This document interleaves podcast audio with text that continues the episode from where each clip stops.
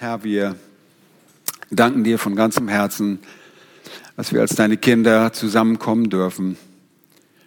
Wir wollen hören, was du zu sagen hast in deinem Wort. Dein Wort ist unser Maßstab, nicht unsere Empfindung und Eindrücke, nicht das, was wir von Herzen oder von unserem Fleisch aus, aus unserem Fleische heraus wünschen, sondern das, was du uns Kraft deines Geistes niedergeschrieben hast in deinem heiligen Wort. Dafür beten wir dich an, dass wir dieses, dieses heilige Wort, dieses unfehlbare Wort Gottes in unseren Händen haben dürfen, um zu erfahren, was dir wohlgefällig ist, wie wir leben sollen und wie wir letztlich auch sicher bei dir ankommen. Du bist der Weg, die Wahrheit und das Leben. Aber du bist nicht nur der Weg, sondern du bist auch das Ziel. Deshalb jagen wir diesem Ziel nach. Wir wollen dich sehen, Herr Jesus Christus, von Angesicht zu Angesicht. Deine wunderbare Herrlichkeit und sehen, wie du bist. Danke dafür, dass du uns jetzt einen Vorgeschmack gibst von dem, wie es sein wird, wenn wir dich anbeten in der Versammlung aller Heiligen, aller Zeiten, wenn wir dich anbeten in einem großen Chor. Und schon jetzt dürfen wir als deine Kinder uns versammeln. Welch wunderbares Vorrecht. Wir bitten, dass du bei denen bist, bei denen bist, die heute nicht hier sein können. Aus den verschiedensten Gründen. Tröste und ermutige sie, stärke sie, ermahne sie. Danke, dass du alle Macht hast, sie wiederherzustellen, sei es seelisch oder physisch.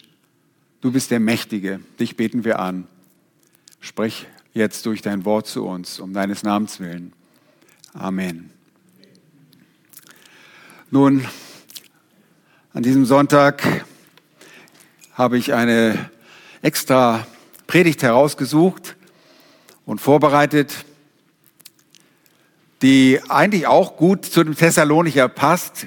Eigentlich passt so eine Predigt immer, denn als Kinder Gottes sind wir in diesem Thema zu Hause. Und zwar geht es um unser Glaubensleben.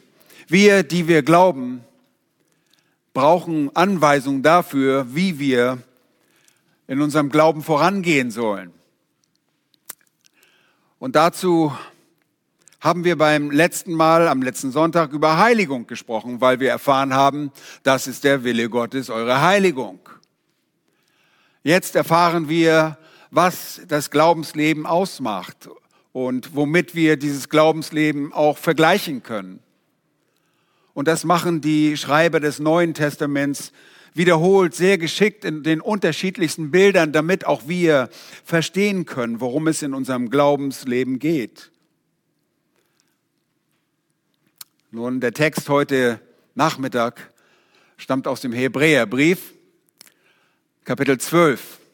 Ein paar sehr bekannte Verse für euch, die ihr schon länger dabei seid. Ihr wisst, das sind sehr bekannte Verse, die ein jeder Christ so gut kennt, dass er sie fast auswendig kann. Und wenn ihr es noch nicht wisst, dann fangt ihr jetzt an, diesen Text kennenzulernen. Diesen Text wollen wir uns gerne wieder in Erinnerung rufen. Und dabei geht es um das Ausdauerrennen des Glaubens in diesem Text, wie du und ich in diesem Rennen laufen müssen mit großer Ausdauer. Und ich kann euch heute leider nicht alle Hintergrundinformationen zu dem Hebräerbrief geben. Das würde den Rahmen dieser Predigt sprengen. Und selbst habe ich gemerkt, oh, ich kann nicht so sehr in die Details dieser drei Verse gehen, sonst sitzen wir morgen noch hier. Am liebsten hätte ich eine Serie daraus gemacht. Aber am nächsten Sonntag, so Gott will, sind wir in Amerika. Und äh, deshalb habe ich einen extra Sonntag eingelegt, um diesen Text zu predigen. Ich lese euch diesen Text vor aus Hebräer 12, die Verse 1 bis 3. Da heißt es nun, da wir nun eine solche Wolke von Zeugen um uns haben, so lasst uns jede Last ablegen und die Sünde, die uns so leicht umstrickt. Und lasst uns mit Ausdauer laufen in dem Kampf, der vor uns liegt, indem wir hinschauen auf Jesus, den Anfänger und Vollender des Glaubens, der um der vor ihm liegenden Freude willen das Kreuz erduldete und dabei die Schande für nichts achtete und der sich zur Rechten des Thrones Gottes gesetzt hat. Vers 3. Achtet doch auf ihn, der solchen Widerspruch von den Sündern gegen sich erduldet hat, damit ihr nicht müde werdet und den Mut verliert. Soweit der Text. Ich habe diesen Text betitelt mit einer Aufforderung an euch und uns alle. Steh auf, lauf das Rennen deines Glaubens mit Ausdauer. Steh auf und lauf das Rennen deines, des Glaubens oder deines Glaubens, wenn das schon dein Glaube ist. Vielleicht bist du nicht gläubig, aber dann gilt auch dir dieser Aufruf, lauf das Rennen des Glaubens mit Ausdauer. Nun, die Gläubigen Empfänger dieses Briefes waren Juden, die zum Glauben gekommen sind an den Messias, den sie liebten und bekannten. Aber ihr Bekenntnis wurde durch die zunehmende Verfolgung der jüdischen Christen, insbesondere überhaupt der Christen, insbesondere getrübt. Ihr Zeugnis litt zum einen darunter, dass äußerer Verfolgungsdruck immer stärker wurde und sie müde wurden zunehmend mehr den Mut verloren und das, obwohl sie noch nicht Märtyrerblut gelassen hatten. Nun, das hatten sie aus dem Judentum zu der Zeit etwas anders erlebt. Das Judentum erlebte eine relative Freiheit im römischen Reich. Sie konnten ihre eigenen religiösen Praktiken und äh, Rituale aufrechterhalten. Jetzt im Christentum waren diese Juden Verfolgte. Verfolgte von ihren eigenen Landsleuten, verfolgte durch eine ihnen gegenüber feindlich gesinnte Gesellschaft. Sie waren erlahmt, sie waren niedergedrückt und hatten sich da in, im Zuge dieser Erlahmung auch versündigt. Sie hatten Lasten und Hindernisse in ihr Leben gebracht, die das Jagen nach der Heiligung in ihrem Leben, in ihrem Glaubensleben unmöglich gemacht hatte. Und ihr Zeugnis litt aber auch zum anderen und gleichzeitig auch darunter, dass sich in der Gemeinde eine Gruppe von nur Christusbekennern befand. Christusbekenner, die zwar von den Wahrheiten über den Messias angesprochen waren, aber sie waren lediglich Bekenner, die nicht da tatsächlich in den Glaubenskampf eingestiegen waren, die nicht tatsächlich in die Nachfolge getreten waren. Sie blieben unerrettete Bekenner. Sie hatten sich dem Messias, dem Christus, nicht voll ergeben. Und das ist es, was unser Gott erwartet. Unser Gott erwartet eine völlige Hingabe. Gott sagt nicht, du kannst ein bisschen Christentum haben, du kannst ein bisschen mitlaufen. Das gibt es auch. Äh, dass wir bei Marathonläufen, und ich möchte den christlichen Lauf mit einem Marathon vergleichen. Nicht so sehr mit einem Sport. Aber wenn wir einen Marathon uns anschauen, dann sehen wir manchmal die Zuschauer an der Seite stehen und da läuft jemand mit und wir denken, wow, der läuft mit und der kann mithalten und der ist sogar manchmal noch schneller. Aber nur für 50 Meter. Und dann bleibt er stehen. Und dann hängt ihm die Zunge raus und die Marathonläufer laufen weiter in einer beständigen Geschwindigkeit. Wie in jeder Gemeinde auch heute, so gab es auch damals diese Leute, die die Inhalte der ihnen verfügbaren Schriften gut kannten, aber dennoch nicht danach lebten. Diese Bekenner waren solche, die die Wunderzeichen sahen und das Wirken sogar des Heiligen Geistes im Lehren und die ihnen bekannten Apostel miterlebten. Intellektuell waren sie sich sicher, Jesus muss der Messias sein. So, sie kannten die Geschichten und sie wussten, ja, das musste der Messias sein. Aber sie hatten sich ihnen nicht ergeben. Nur mit solch einer Gruppe in der Gemeinde ist man natürlich nicht stark, Außerdem gab es auch schlichtweg Ungläubige, die mit dieser Ermahnung des Schreibers erreicht werden sollten. Auch diese gibt es immer wieder in Gemeinden. Es gibt immer wieder Nicht-Erlöste inmitten von einer gläubigen Versammlung. Nun in diese Situation hinein, in eine Atmosphäre der Entmutigung und zunehmender Verfolgung, schreibt der Schreiber des Hebräerbriefes, er ist ein Mann, den wir namentlich nicht genannt bekommen, aber er ist ein Mann Gottes der, wie er selbst sagt, mit seinem kurzen Schreiben am Ende von Kapitel 13 sagt, dass es eine Ermahnung sei, die er hier schreibt. Sein Anliegen ist es, die Gläubigen, die Bekenner und die Ungläubigen zu ermahnen. Alle gleichzeitig. Das nenne ich Effektivität. Er ermahnt sie, den Glaubenslauf, das Rennen zu laufen. Nun, dort in Kapitel 13, Vers 22 heißt es, ich ermahne euch, Brüder, nehmt das Wort der Ermahnung an.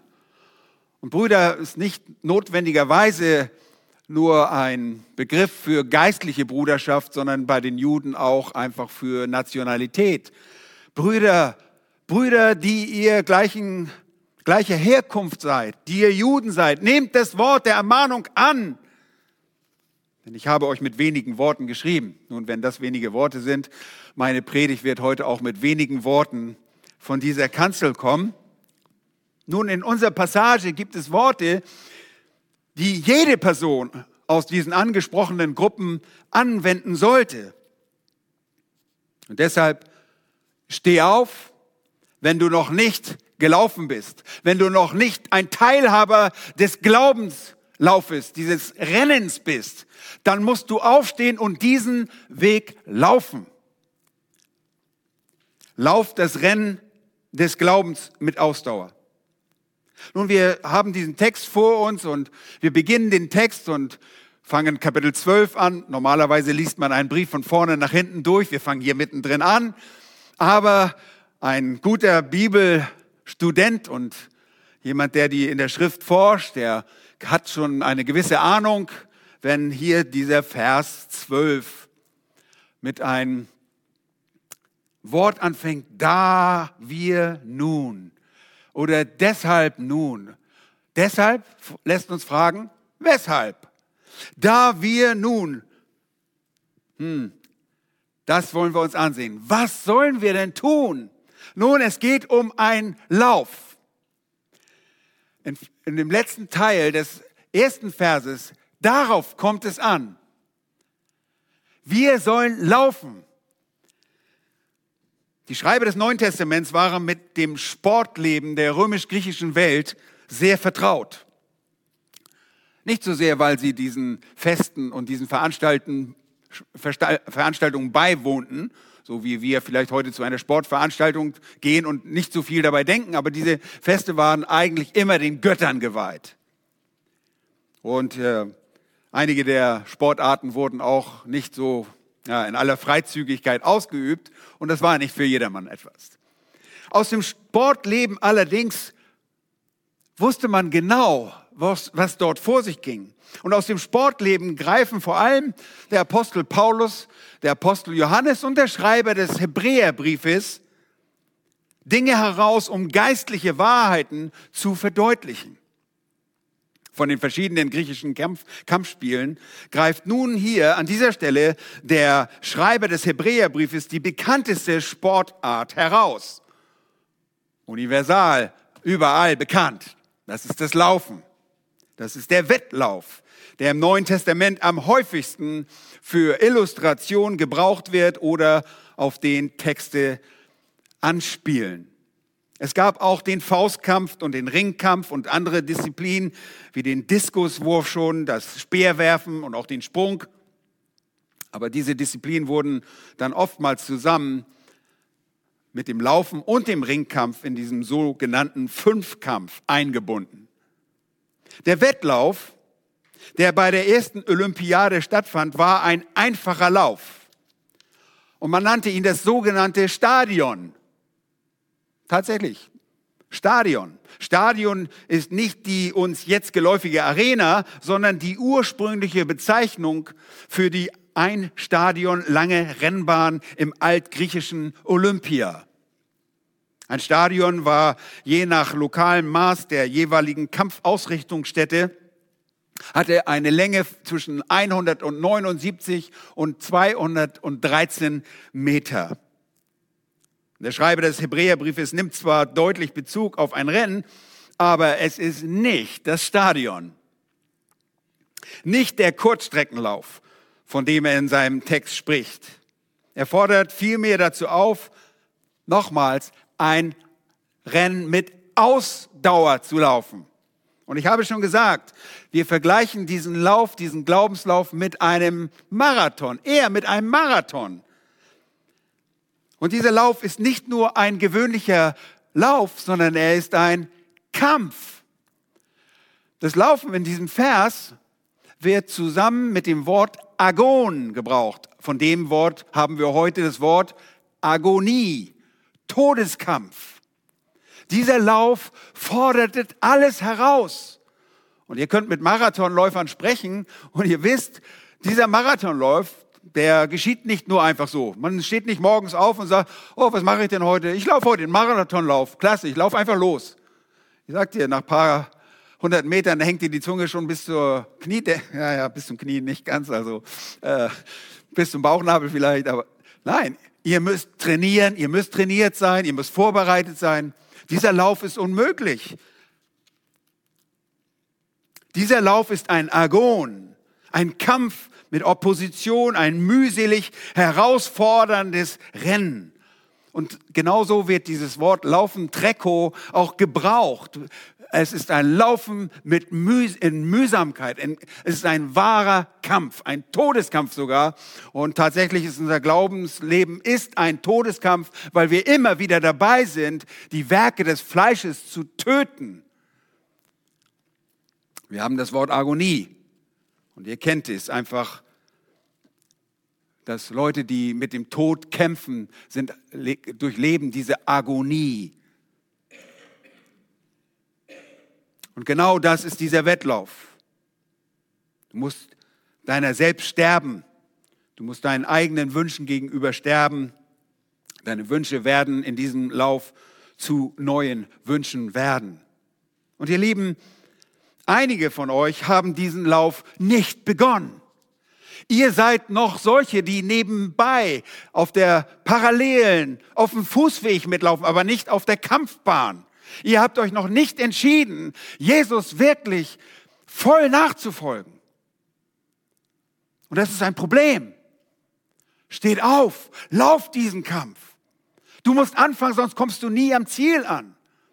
Und obwohl dieser Text nicht vom Ziel, nur indirekt vom Ziel spricht, nämlich von Jesus Christus, er ist der Weg und das Ziel, musst du anfangen zu laufen.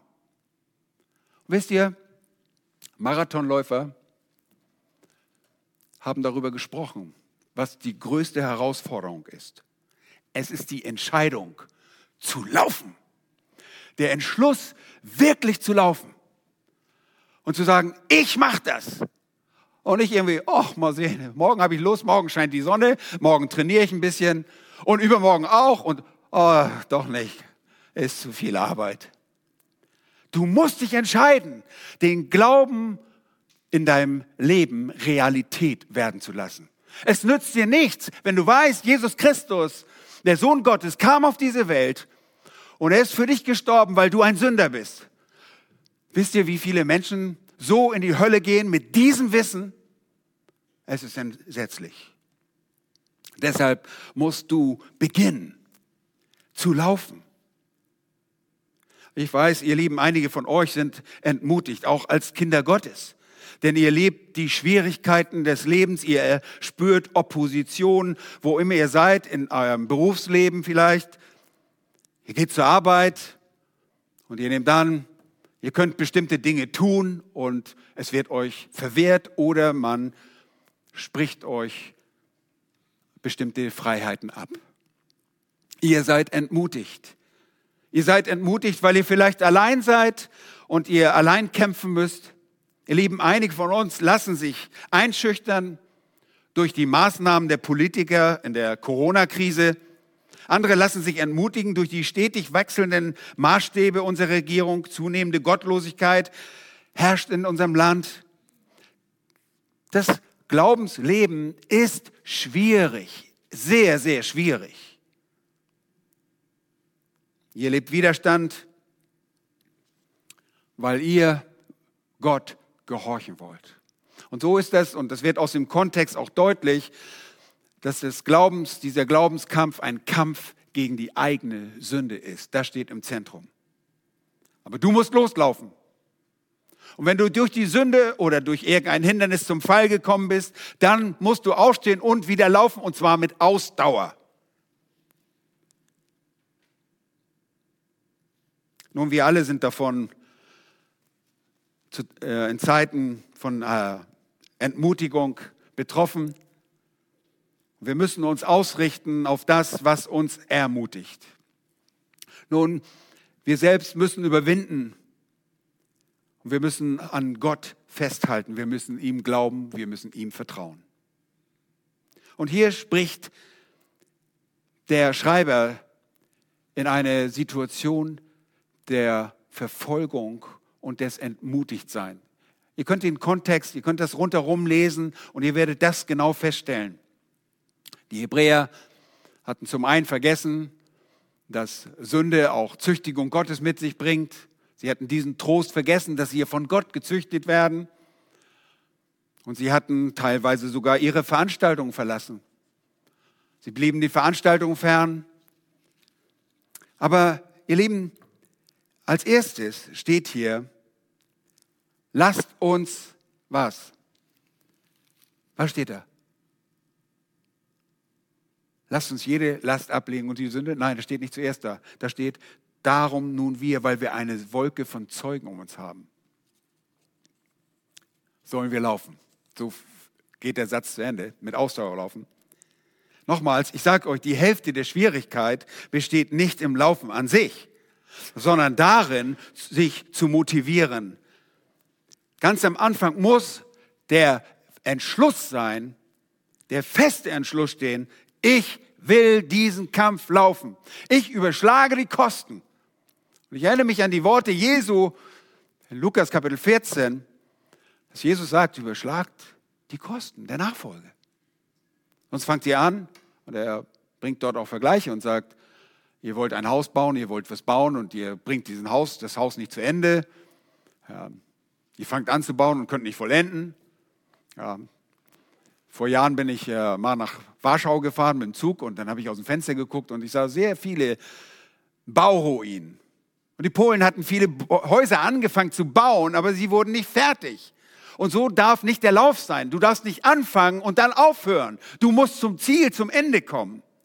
Und dafür sind die Zeugen, die um uns herum gegeben worden. Da heißt es, du, da wir nun eine solche Wolke von Zeugen um uns haben, die Kampfgenossen sollen uns Motivation geben. Lass dich zum Lauf motivieren. Und ich möchte gleich an dieser Stelle hinzufügen, schreibt bitte dazu, lasst euch zum Lauf verpflichten. Der Lauf ist keine Option. Es geht nicht nur um Motivation. Du musst dich verpflichten dazu. Du kommst nicht am Ziel an, wenn du dich nicht verpflichtest dazu. Gleichzeitig dienen diese Zeugen, und wir werden gleich darauf eingehen, was diese Zeugen sind, wer diese Zeugen sind, dienen sie beim Lauf als Motivation. Lass dich zum Lauf motivieren, lass dich verpflichten. Der Glaube ist eine Gottesmacht, die auch heute erfahrbar ist, und das geht aus diesen Zeugen hervor. Und wir wollen uns fragen, was ist eine Wolke von Zeugen? Nun, ihr wisst, was Zeugen sind. Die ruft man heran, die etwas erlebt haben, die etwas gesehen haben, die etwas durchlaufen haben. Und der Schreiber spricht von einer Wolke. Nun, alle, die ihr schon mal durch die Wolken geflogen seid oder auf einer Bergwanderung in Wolken geraten seid, ihr dreht euch um und was seht ihr? Eine Wolke. Sie sind überall um uns herum diese Wolken, wenn du mal da drin steckst. Und hier sind Menschen so zahlreich um uns herum, Sie zeugen von etwas, nämlich sie zeugen davon, dass der Glaube eine erfahrbare Gottesmacht ist. Und das motiviert und verpflichtet. Du kannst nicht sagen, der Glaube nützt alles nichts. Es nützt nichts. Doch, der Glaube wird Gott dazu bringen, dass er dich eines Tages zu sich nimmt. Und dazu wollen wir kurz in Kapitel 11 gehen. In Kapitel 11 sehen wir den ersten Glaubenskampfgenossen. Das erste Kind, das geboren wurde, war ein Mörder, das zweite war ein Glaubensheld und das erste Kind Gottes im Himmel. Das ist Abel, der Gott glaubte in der Art und Weise, wie er das Opfer zu bringen hatte. Und er brachte das, Abel äh, brachte das Opfer, das besser war als das Opfer von Kain. Da heißt es in Vers 4, durch Glauben brachte Abel Gott ein besseres Opfer dar als Kain.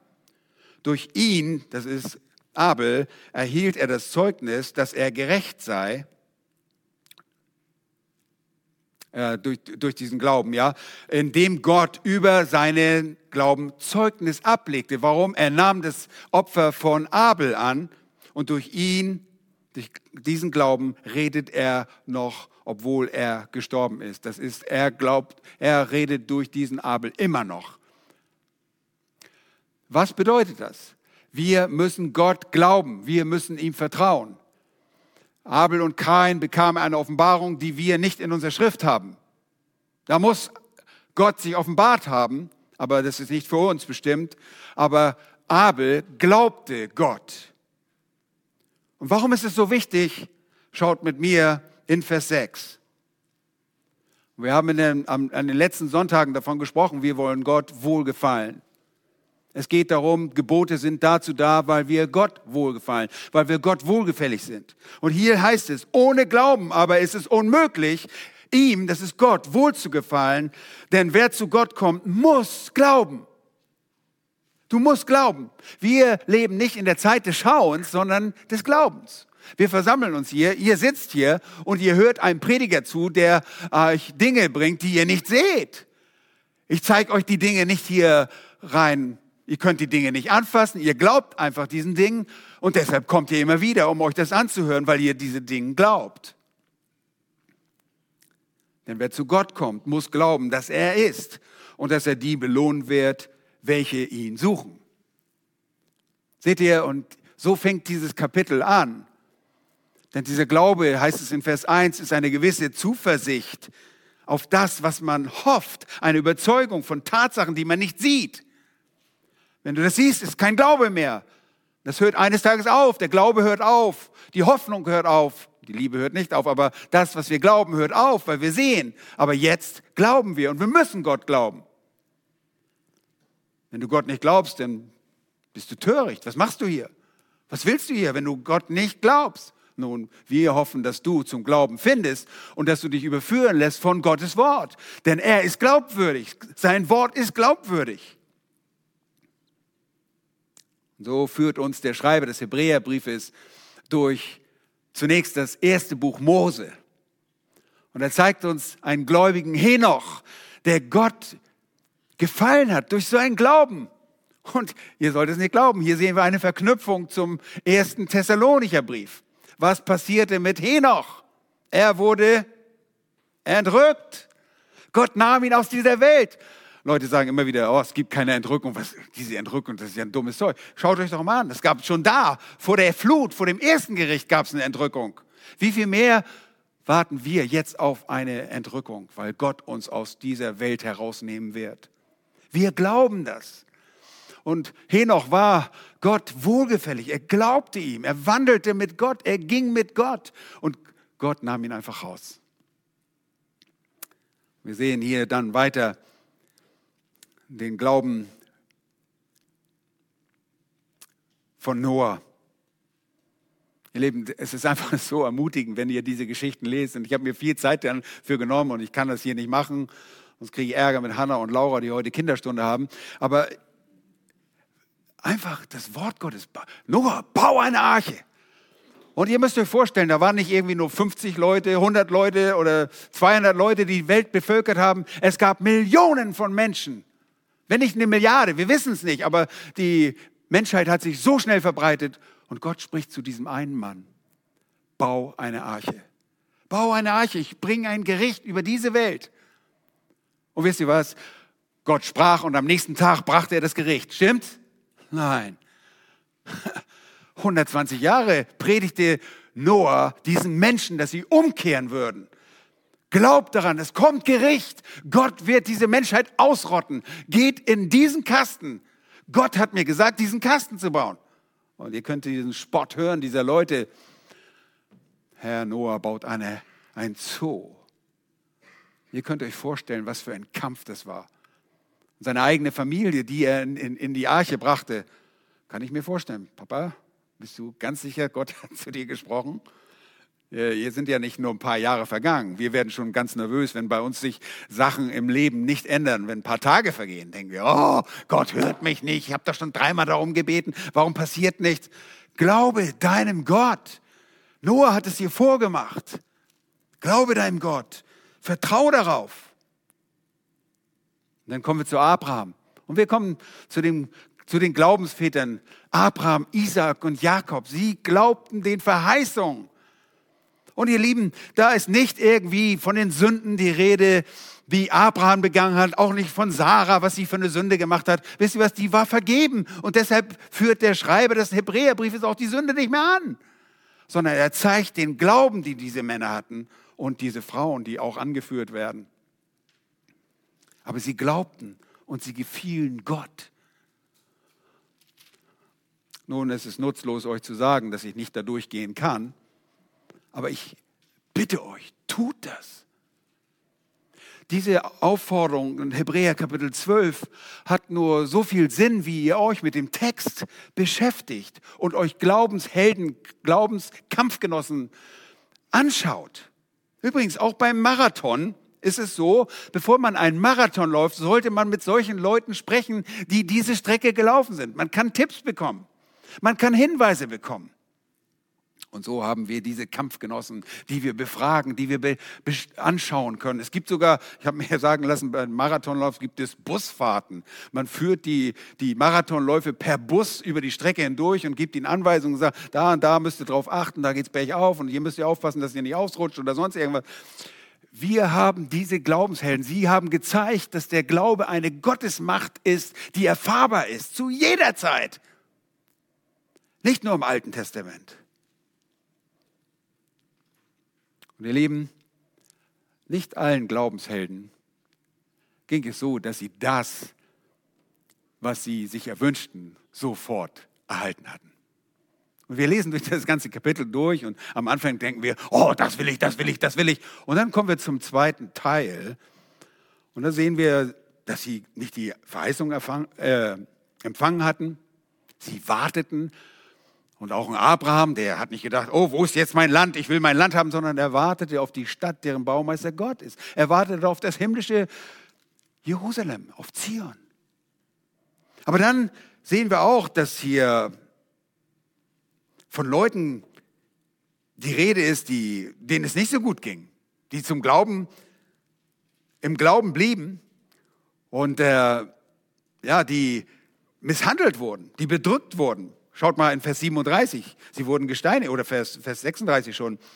35 fangen an. Frauen erhielten ihre Toten durch Auferstehung wieder, andere aber ließen sich martern, nahmen die Befreiung nicht an, um eine bessere Auferstehung zu erlangen. Sie hatten die bessere Auferstehung vor Augen im Glauben. Und andere erfuhren Spott und Geißelung, dazu Ketten und Gefängnis. Sie wurden gesteinigt, zersägt, versucht, sie erlitten den Tod durch Schwert, Sie zogen umher in Schafspelzen und Ziegenfällen, erlitten Mangel, Bedrückung, Misshandlung. Sie, deren die Welt nicht wert war, irrten umher in Wüsten und Gebirgen, in Höhlen und in Löchern der Erde. Wisst ihr was? Diese Leute haben das im Glauben getan. Glaube heißt nicht, oh, Herr, ich glaube, dass du der Gott bist, der mir alles geben kann. Du kannst mein Portemonnaie dick machen und du kannst mir Wohlstand geben. Ähm, und wenn das nicht passiert, dann bin ich weg. Gott ist nicht unser Automat. Wir glauben Gott in dem, was er von sich geoffenbart hat. Und diese Glaubenshelden, die umgeben uns geradezu, wenn wir in das Wort Gottes gehen. Und als Kinder Gottes gehen wir in das Wort Gottes. Und wenn du nicht angefangen hast, in das Wort Gottes zu gehen, dann rufe ich dich hier auf. Beginn den Lauf des Glaubens in deinem Leben. Bekenne deine Schuld, deine Sünde und komm zu Gott. Ohne Glauben kannst du Gott nie gefallen. Ohne Gott wirst du nie im Ziel ankommen. Kapitel 11 ist nur eine Auswahl von Läufern. Männer und Frauen, die unter Beweis gestellt haben, dass der Glaube heute der Weg ist, um Gott zu gefallen und das Ziel der Vollendung zu erreichen. Oh, sie haben es in ihrem Leben nicht erreicht, aber sie werden es erreichen. Und obwohl diese Personen die Verheißung in ihrem irdischen Leben nie sichtbar erlebten, so waren sie unerschütterliche Läufer und Kämpfer. Gott wohlgefällig. Und davon legte Gott selbst Zeugnis ab, ihnen gegenüber. Das könnt ihr nachlesen. Nun, du sagst, okay, ich will auch laufen. Und dann zweitens, achte auf die Laufbedingungen. Schaut mal in Vers 1 und dort in der zweiten Hälfte. Wir haben eine so große Wolke von Zeugen um uns herum, die uns ermutigen und auch verpflichten, denn wir können nicht sagen, ah, das interessiert mich nicht, was da passiert ist damals. Doch, der Glaube ist nach wie vor die Gotteskraft. Aber jetzt sagt er, wenn ihr diese Wolke von Zeugen, so lasst uns jede Last ablegen und die Sünde, die uns so leicht umstrickt. Nur so können wir laufen, so können wir anfangen zu laufen. Wir müssen ablegen. Und jeder versteht, dass ein Marathonläufer nicht mit einem dicken Mantel auftritt und losrennt. Ja, du kannst ihn laufen, aber du wirst nach wenigen Metern völlig überhitzt sein. Hier ist jede Last und die Sünde abzulegen. Nun, wir verstehen die Sünde. Die Laufbedingung ist, du trittst erst in den Lauf ein, wenn du einmal deine Sünde bekannt hast. Du musst deine Sünde vor Gott bekennen.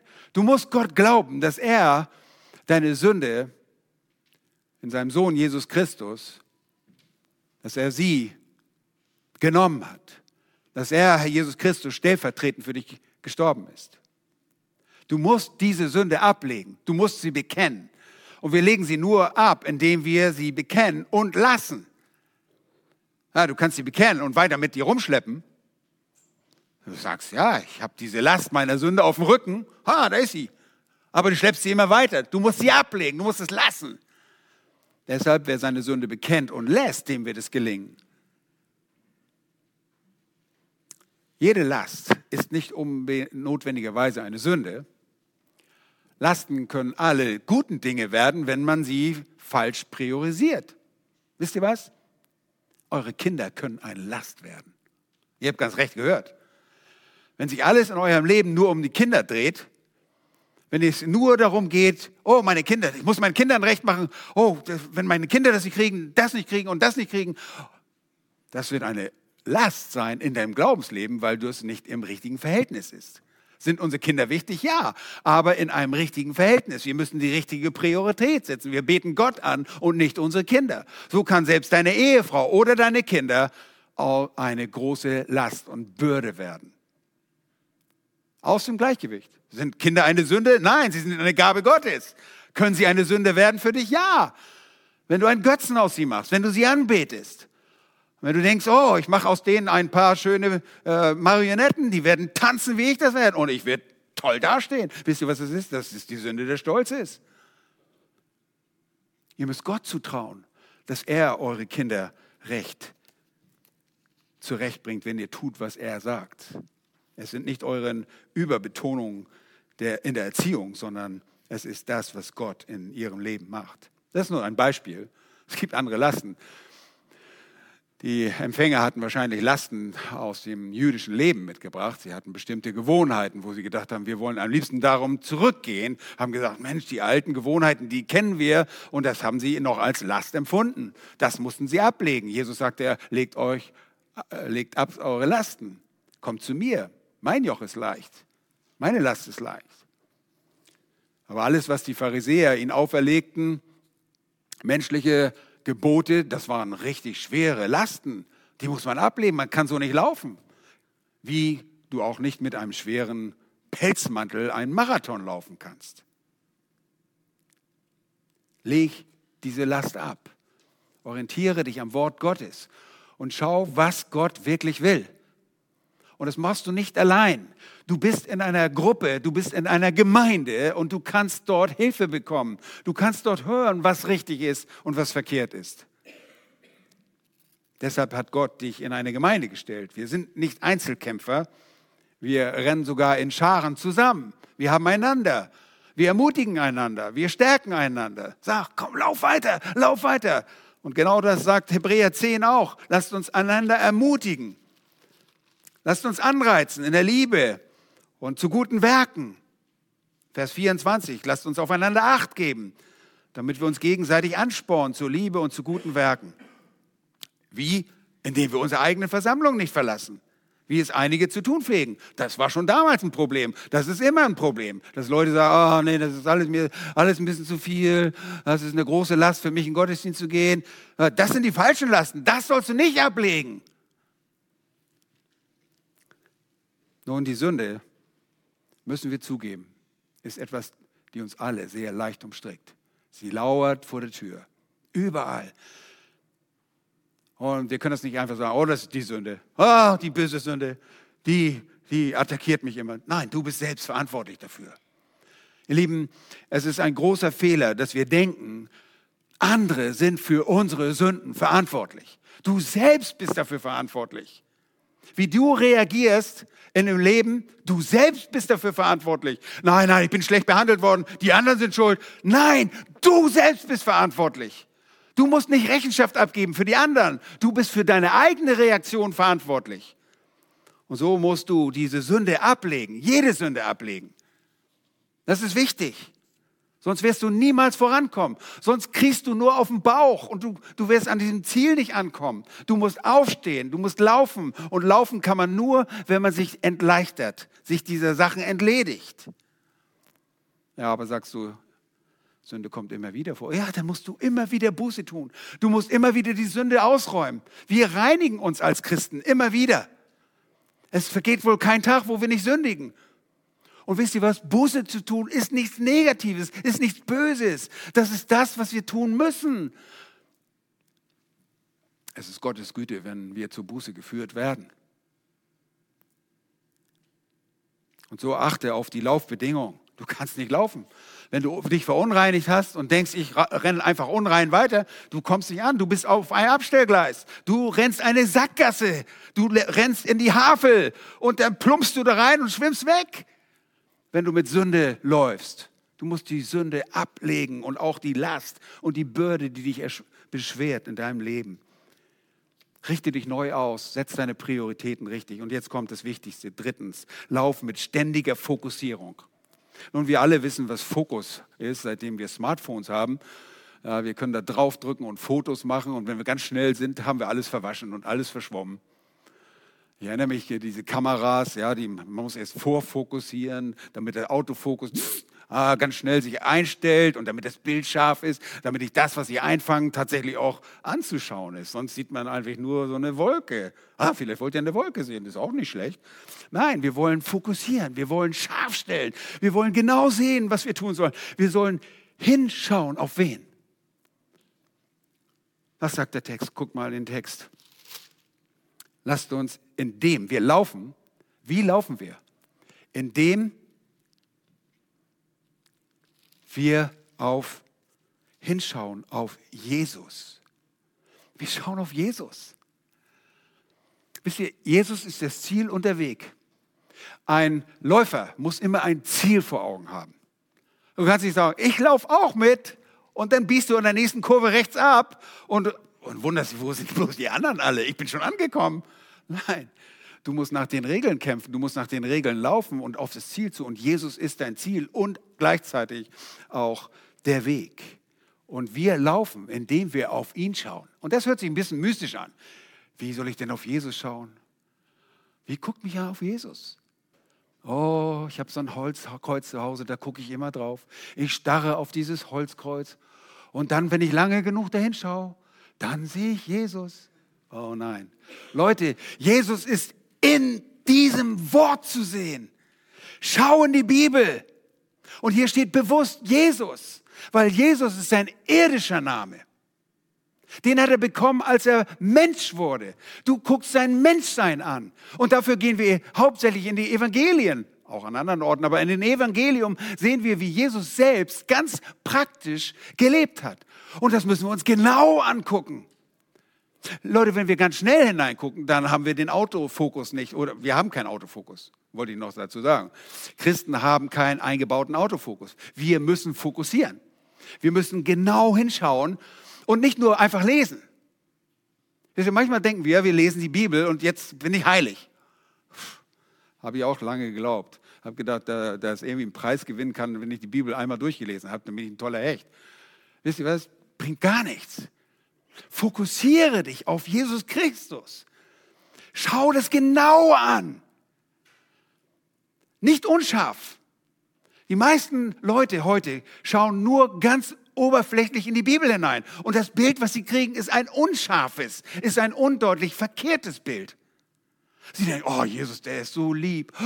Wir umarmen uns alle im Namen Jesu. Wir sind alle eins. Die Lehre können wir vergessen. Die trennt uns nur. Nein, wir sind aufgrund der Lehre, die Jesus gelehrt hat und sein Vater gelehrt, eins. In allem. Nicht nur aufgrund warmer Gefühle, die wir füreinander haben. Und deshalb schaut Jesus an. Schaut Jesus an, der ist der Anfänger und Vollender des Glaubens. Was heißt das? Ja, der hat meinen Glauben angefangen und auch vollendet. Nein, sein Glauben. Der Anfänger, Archegos, das Wort steht in Kapitel 2, Vers 10, heißt ein Urheber, derjenige, der uns vorausgegangen ist und uns gezeigt hat, was es heißt zu glauben. Er hat diesen Glauben voraus, hat uns gezeigt, wie wichtig dieser Glaube ist. Und ihr fragt, wo hat denn Jesus geglaubt? Meine Güte, wir haben das vorhin gesungen. Ähm, wo war das? Johannes 19, Vers 30. Es ist vollbracht. Wann sprach Jesus, es ist vollbracht? In der Todesstunde, oder? Ja, in der, in, in der Stunde, als alles vorbei ist und es finster wird und ja, sagt er, es ist vollbracht. Das Werk der Erlösung war vollbracht. Er hat alles zum Ende gebracht. Sein Erlösungswerk wurde in dem Moment zu Ende gebracht. Und danach ist er nur noch Wohin gegangen? Zur Rechten des Vaters, aufgefahren. Auch das sagt der Text. Das spricht von vollendetes, Vollendung seines Glaubens. Er hat uns gezeigt, wie man glaubt. Er hat gewusst, ich werde auferstehen. Es war alles dunkel, ich bin jetzt gleich tot. Aber wisst ihr was, ich stehe wieder auf. Und ich mache das auch um der vor mir liegenden Freude willen, denn ich weiß, ich errette meine Gemeinde. Ich errette die Kinder Gottes, die Gott mir gegeben hat, die werde ich erretten, die mein Vater mir gegeben hat. Und da müssen wir hinschauen. Und zwar nicht oberflächlich, fokussieren. Du musst manchmal nachfokussieren. Ja, das ist wunderbar, so eine Kamera, wenn man die hat und die hat einen Autofokus eingebaut und, und äh, Entfernung und da ist ein Sportautofokus drin noch drin. Das geht ruckzuck und du kannst sogar Sportbilder und äh, springende Leute fotografieren und das ist scharf, das Ding. Wow. So ist es nicht bei uns als Christen. Wir müssen selbst nachfokussieren. Wir müssen schauen, genau hingucken. Wir sehen Jesus, wie er glaubt. Und was er getan hat, der hat um der vorhin liegenden Freude willen die Schande nicht geachtet, das Kreuz nicht geachtet, die Schande dafür nicht beachtet. Seht ihr, das Kreuz war kein Vergnügen. Für uns ist das Kreuz, das wir uns auf uns nehmen, auch kein Vergnügen. Aber wir tun das im Glauben. Wir eifern Jesus nach. Jesus, wenn er das nicht getan hätte, was er dort tat am Kreuz, dann wären wir alle tot in unseren Übertretungen und Sünden. Dann gäbe es keine Gemeinde, dann gäbe es nicht mal einen Himmel. Oder es gäbe einen Himmel ohne, ohne Menschen, ohne irgendjemanden Erlösten. Wir müssen auf Jesus schauen. Und er tat das um der Dinge willen, die er erreichen würde. Er hat nicht gesagt, oh, das Kreuz, oh, das wird toll. Das wird eine richtig schöne Erfahrung, am Kreuz zu sterben. Haut mir die Nägel rein, ich finde das cool. Nein, das hat er nicht gemeint. Er hat auf die gewonnene Gemeinde, auf die Erlösung geachtet. Die Freude, die kommen würde. Und manche Dinge in unserem Leben sind schwer. Ihr Leute, Manchmal haben wir so eine Vorstellung, das Christsein, das müsste uns immer, wir treten nur auf Rosen und ja, man ist so ein bisschen auf fünf Zentimeter über den Boden, wir schweben dahin und das ist ein großer Irrtum. Unser Leben ist eine Agonie, ist ein Kampf. Aber die Belohnung ist groß. Und die wollen wir nicht verwerfen. Und das sollten die Empfänger des Hebräerbriefes auch nicht verwerfen. Und die Schande achtet er nicht. Das heißt, kommen irgendwelche Menschen, die er selbst geschaffen hat, seine eigene Kreatur, seine eigene Schöpfung kommt und nagelt ihn ans Kreuz. Und er hätte einmal so machen müssen. Ein, ein Wort hätte genügt und wumm, die wären alle verbrannt. Wir hätten alle im Barbecue verbrannt werden können. Ein Wort, alle hätte sie gefällt. Aber Gott hat es so vorgesehen. Das ist der Weg. Und wisst ihr was? Der Sohn hat gelitten. Und er möchte, dass wir ihm gleich sind. Er hat den Weg des Leidens gewählt und dieses Erdenleben ist der einzige Chance für uns als Kinder Gottes zu leiden. Wenn wir tot sind, leiden wir nicht mehr. Dann ist alles vorbei. Aber jetzt dürfen wir für ihn leiden. Der Philipperbrief sagt es, uns ist das Privileg gegeben worden, nicht nur an ihn zu glauben, sondern auch um seines Namens willen für ihn zu leiden. Schaut euch mal die Apostel an. Die wurden geschlagen vom Hohen Rat und gingen weg und haben sich gefreut. Oh, wir waren seiner würdig, wir waren seiner würdig. Oh, wir haben ein paar Schläge gekriegt. Guckt euch Paulus an, guckt euch äh, Timotheus an und Silas oder Silvanus. Sie werden zusammengeschlagen, werden misshandelt in Philippi und ziehen weiter. Fröhlich, fröhlichen Mutes gehen sie oft in das nächste Dorf. Äh, Stadt, Dorf ist gut, Großstadt. Und so müssen wir hinschauen auf Jesus. Genau hinschauen. Was tut er? Wie handelt er? Ganz praktisch. Jesus als Vorbild. Ja, wir nehmen manchmal Paulus zum Vorbild, wir nehmen, aber lass uns mal Jesus zum Vorbild nehmen. Jesus, sein irdischer Name, steht hier nicht umsonst. Nun, wir wollen laufen mit einem Ziel vor Augen, mit einer klaren Orientierung, mit einem Vorbild. Aber wir wollen auch laufen mit einem Entmutigungsschutz. Habt ihr sowas schon mal gehört? Habe ich mir selber ausgedacht. Ich muss zugeben, Borchmann wieder verrückt. Lauf mit einem Entmutigungsschutz. Ja, es gibt so einen Eisungsschutz oder Vereisungsschutz und es gibt solchen Schutz und Disschutz. Und, und ich habe gedacht, Entmutigungsschutz. Wir wollen nicht entmutigt sein. Wir wollen laufen und nicht entmutigt sein. Ich meine, wie toll sind wir als Christen, wenn wir entmutigt durch die Welt laufen? Ah, ich wollte dir von Jesus erzählen. Dein Nachbar. Ah, weißt du, ich habe Jesus kennengelernt. Der ist richtig ein toller Typ, aber pff, ich, ah, ich kriege nicht, was ich will. Ah, nein, wir wollen fröhlich sein im Herrn. Wir wollen uns freuen an dem, was wir tun in unserem Glaubensleben. Und so brauchen wir einen Entmutigungsschutz, und das finden wir in Vers 3. Achtet doch auf ihn. Und das Wort, das hier ist, ein, ein Wort aus der Mathematik, es ist ein Erwägen, ein Vergleichen. Und er sagt, achtet auf ihn, der solchen Widerspruch, ein Widersprechen von Sündern gegen sich erduldet hat. Der hat ständig Widerstand erlebt. Jesus hat Widerstand erlebt von den religiösen Führern, wo er hinkam. Immer gab es Konflikte, weil die Wahrheit kam oder das Licht kam in die Dunkelheit und die Dunkelheit wollte das Licht nennen. Es gab immer wieder Schwierigkeiten. Aber er hat das erduldet. Er hat das erduldet, damit ihr nicht müde werdet und den Mut verliert. Achtet auf ihn. Und ihr denkt, was soll das? Wieso soll ich auf ihn achten? Ich dachte, ich soll nicht entmutigt werden. Nun, bei der Betrachtung unseres Herrn Jesus Christus, was er durchgemacht hat, der Schöpfer dieser Welt, der heilige Gott, der nichts von dem verdient hat, wenn er bereit war, so zu leiden, sich von Leuten beleidigen zu lassen, Blasphemie zu erfahren. Ja, ihr erinnert euch, die jüdischen Leiter, sie schrieben ihm die Werke des Belials, des Teufels vor, ja, des Obersten des, der Dämonen. Er sagte, dies ist alles vom, vom Satan. Weißt du was? Jesus hat nicht gesagt, oh, ich zurück zu meinem Papa. Nein, nein, der hat weitergemacht.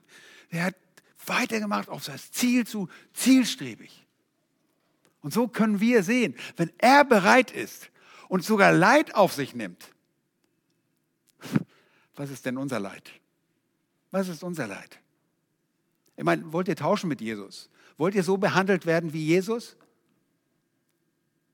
Das können wir gar nicht. Wir können das noch nicht mal so erleben, wie Jesus das erlebt hat, der sündlose Gott, Gottes Sohn, der von keiner Sünde wusste, wurde für uns zur Sünde gemacht. Man hat den behandelt, als hätte er dein Leben geführt, weil wir Sünder sind. So wurde er behandelt, damit nur nachdem er für uns gestorben ist, er uns so behandeln hätte, äh, konnte, als hätten wir sein Leben geführt. Das ist Gnade und das soll uns ermutigen. Aber was müssen wir tun? Genauso wenig wie wir keinen Autofokus in uns haben, so müssen wir auch dieses Achten, dieses Betrachten, dieses, diese Kontemplation, dieses intensive Nachsinnen müssen wir vornehmen. Wir müssen dem Wort Gottes gehorchen.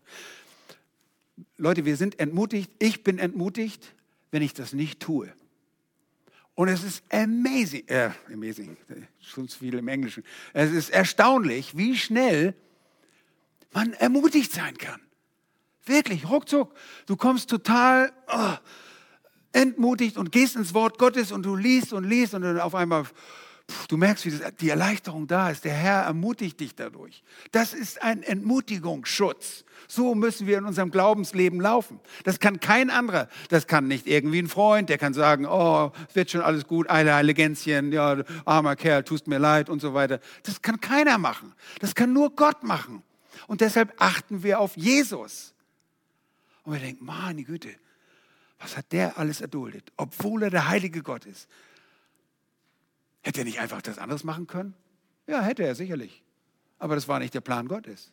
Und so ist der Plan Gottes auch nicht für dich und für mich, dass wir leidensfrei durch dieses Leben gehen. Ist einfach nicht so. Ja, wenn wir Leidensfreiheit haben, dann preist den Herrn.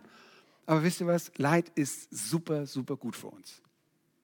Weil das zeigt uns die Abhängigkeit zu unserem Gott. Das zeigt uns, dass wir ihn brauchen.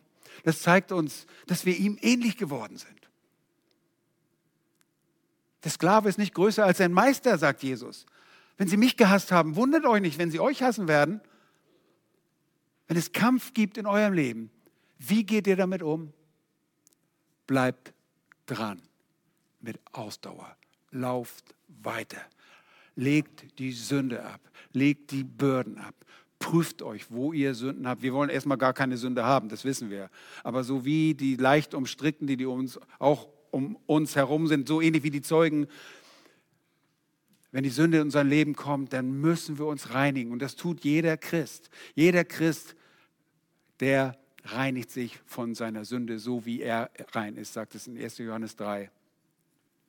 Und das möchte ich euch sagen, möchte ich euch auch mit ermahnen. Tut das. Lauft. Achtet auf die motivierenden, verpflichtenden Vorbilder dieser Glaubenskampfgenossen. Legt die Sünde ab, aber vor allem lasst uns vorsichtig auf Christus sehen, auf ihn achten, das erwägen, was er getan hat. Dann bist du wohl gewappnet. Dann kannst du dich freuen. Ja, Leute, habt ihr euch erinnert, äh, Paulus und Sila sitzen im Knast in Philippi. Erinnert ihr euch das an diese Geschichte auf der zweiten Missionsreise? Was machen die nachts? Trauergesang? Nein, die, die lobten den Herrn. Und du denkst, Mensch, die sind von Sinn. Nein, das sind Kinder Gottes, die begriffen haben, wozu sie berufen sind. Und bei uns ist nicht anders. Ist Leid etwas Schlimmes in unserem Leben? Ja, wenn wir es selbst verursacht haben und dann jammern. Aber nicht, wenn wir leiden um Christi willen. Das ist Ehre bei Gott. Der Petrus der Petrusbrief sagt uns sehr deutlich, das ist Ehre bei Gott, wenn wir um der Gerechtigkeit willen leiden. Das wollen wir. Wir wollen ihm nachfolgen und diesen Lauf treu laufen bis zum Ende. Lass uns beten. Herr, wir danken dir von ganzem Herzen für deine große Barmherzigkeit, mit der du uns, die wir deine Kinder sind, wiedergeboren hast und uns berufen hast, ein Leben in der Heiligung zu führen. Und dieses Heiligungsleben ist ein Ausdauerrennen des Glaubens. Wir wollen dir glauben. Wir wollen dir vertrauen. Alles, was du gesagt hast, wollen wir für wahr halten und auch als Wahrheit leben. Wir wollen nicht nur solche sein, die dein Wort hören, sondern wir wollen auch Täter sein. Wir wollen ein Wesen haben, das sofort das tut, was du sagst. Vergib uns, vergib mir, dass ich manchmal durch Unglauben dich entehrt habe. Einfach auch Unglaube ist ungehorsam und ungehorsam gewesen bin. Danke, dass du immer wieder vergibst, wenn wir zu dir kommen. Lass uns hinzulernen. Lass uns lernen, wie es möglich ist, dir immer zu gefallen und gläubig dir nachzujagen. Wir wollen dem Frieden nachjagen mit jedermann und wir wollen auch der Heiligung nachjagen, wie es später auch der Hebräerbriefschreiber sagt. Herr, Heiligung, das hast du für uns bestimmt. Diesen Prozess des dir immer ähnlicher Werdens. Hab Dank, dass du, Herr Jesus Christus, dafür gekommen bist und selbst dieses Vorbild gegeben hast. Wir loben und preisen dich dafür. In Jesu Namen. Amen.